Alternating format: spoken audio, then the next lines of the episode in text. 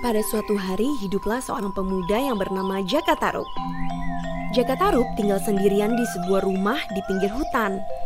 Sehari-hari ia hanya menghabiskan waktunya dengan memancing. Hasil pancingannya itu dijual untuk memenuhi kebutuhan hidupnya dan ibunya. Ah, lebih baik aku memancing di sungai dalam hutan. Pasti ikan di sana lebih banyak.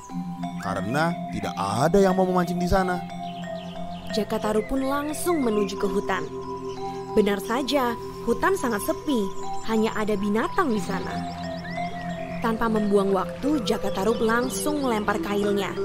Tiba-tiba, Jakatarup dikejutkan dengan tujuh warna yang melengkung di langit. Warna-warna itu mendarat di ujung sungai tempatnya memancing. Karena penasaran, Jakatarup mengejar tujuh warna itu. Wah, warna apa itu? Sangat indah. Betapa terkejutnya Jakatarup. Di ujung tujuh warna itu, ada tujuh wanita cantik yang sedang bermain air di sungai. Ya, mereka adalah tujuh bidadari dari kayangan.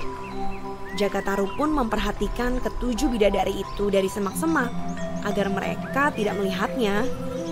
Wah, cantik sekali mereka. Andai aku bisa menikah dengan salah satu dari mereka. Jakataruk mempunyai ide. Dengan perlahan, Jakataruk mendekat ke sungai. Ia mengambil salah satu selendang milik bidadari. Kemudian ia menyimpan selendang itu di balik bajunya. Hari semakin sore, tampaknya para bidadari sudah lelah bermain air. Sudah sore saudariku, kita harus kembali ke kayangan. Mereka pun bersiap untuk kembali terbang ke kayangan. Namun, salah satu bidadari tampak kebingungan. Ia mencari sesuatu. Selendangku hilang, saudariku.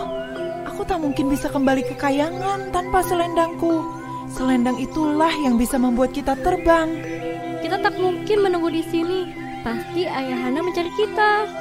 Akhirnya, keenam bidadari meninggalkan bidadari yang selendangnya hilang seorang diri. Bidadari itu sekarang sendirian. Ia terlihat sangat sedih. Jakataru pun mendekati bidadari itu. Wahai gadis, siapakah namamu? Mengapa engkau bersedih? Namaku Nawang Bulan. Aku bersedih karena tak bisa kembali ke rumahku di kayangan. Uh, apakah kau seorang bidadari? Nawang Wulan mengangguk. Jakataru pun mengajak Nawang Wulan ke rumahnya. Karena tak tahu harus tinggal di mana, Nawang Wulan menerima ajakan Jakataru. Selang beberapa waktu, Jakataru dan Nawang Wulan akhirnya memutuskan untuk menikah.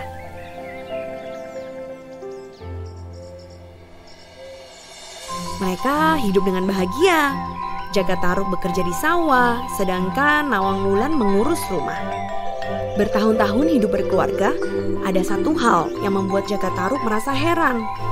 Padi di lumbung tak pernah habis. Padahal setiap hari padi dimasak. Suatu pagi, ketika Jagataruk hendak pergi bekerja, ia bertanya kepada Nawang Wulan. Hai istriku, aku heran Mengapa padi di lumbung kita selalu banyak? Padahal setiap hari kita memasaknya. Nawang Wulan tidak menjawab. Ia hanya tersenyum. Tentu saja Jakataruk menjadi semakin penasaran. Pada suatu pagi yang cerah, Nawang Wulan hendak pergi ke sungai. Aku hendak mencuci baju. Jangan sekali-kali membuka tudung masakanku ya. Tapi Jakataruk justru menjadi penasaran. Begitu Nawang Wulan pergi ke sungai, diam-diam ia membuka tudung masakan istrinya. Jakataruk pun terkejut. Hanya ada segenggam padi di dalamnya. Pantas saja padi di lumbung tak kunjung habis. Tak selang berapa lama, Nawang Wulan kembali. Ia bergegas melihat nasi yang dimasaknya. Nawang Wulan tak kalah terkejut karena segenggam padi yang tadi dimasaknya masih berwujud sama. Ia pun menanyakan hal itu kepada Jakataru. Iya, aku melihatnya. Aku minta maaf Nawang Wulan karena aku tidak mendengarkan perintahmu. Nawang Wulan tak bisa berbuat apa-apa. Sekarang ia harus bekerja lebih giat karena kekuatan bidadarinya telah lenyap. Berkat kekuatannya itulah segenggam padi bisa menjadi nasi yang banyak dan padi di lumbung tak kunjung habis.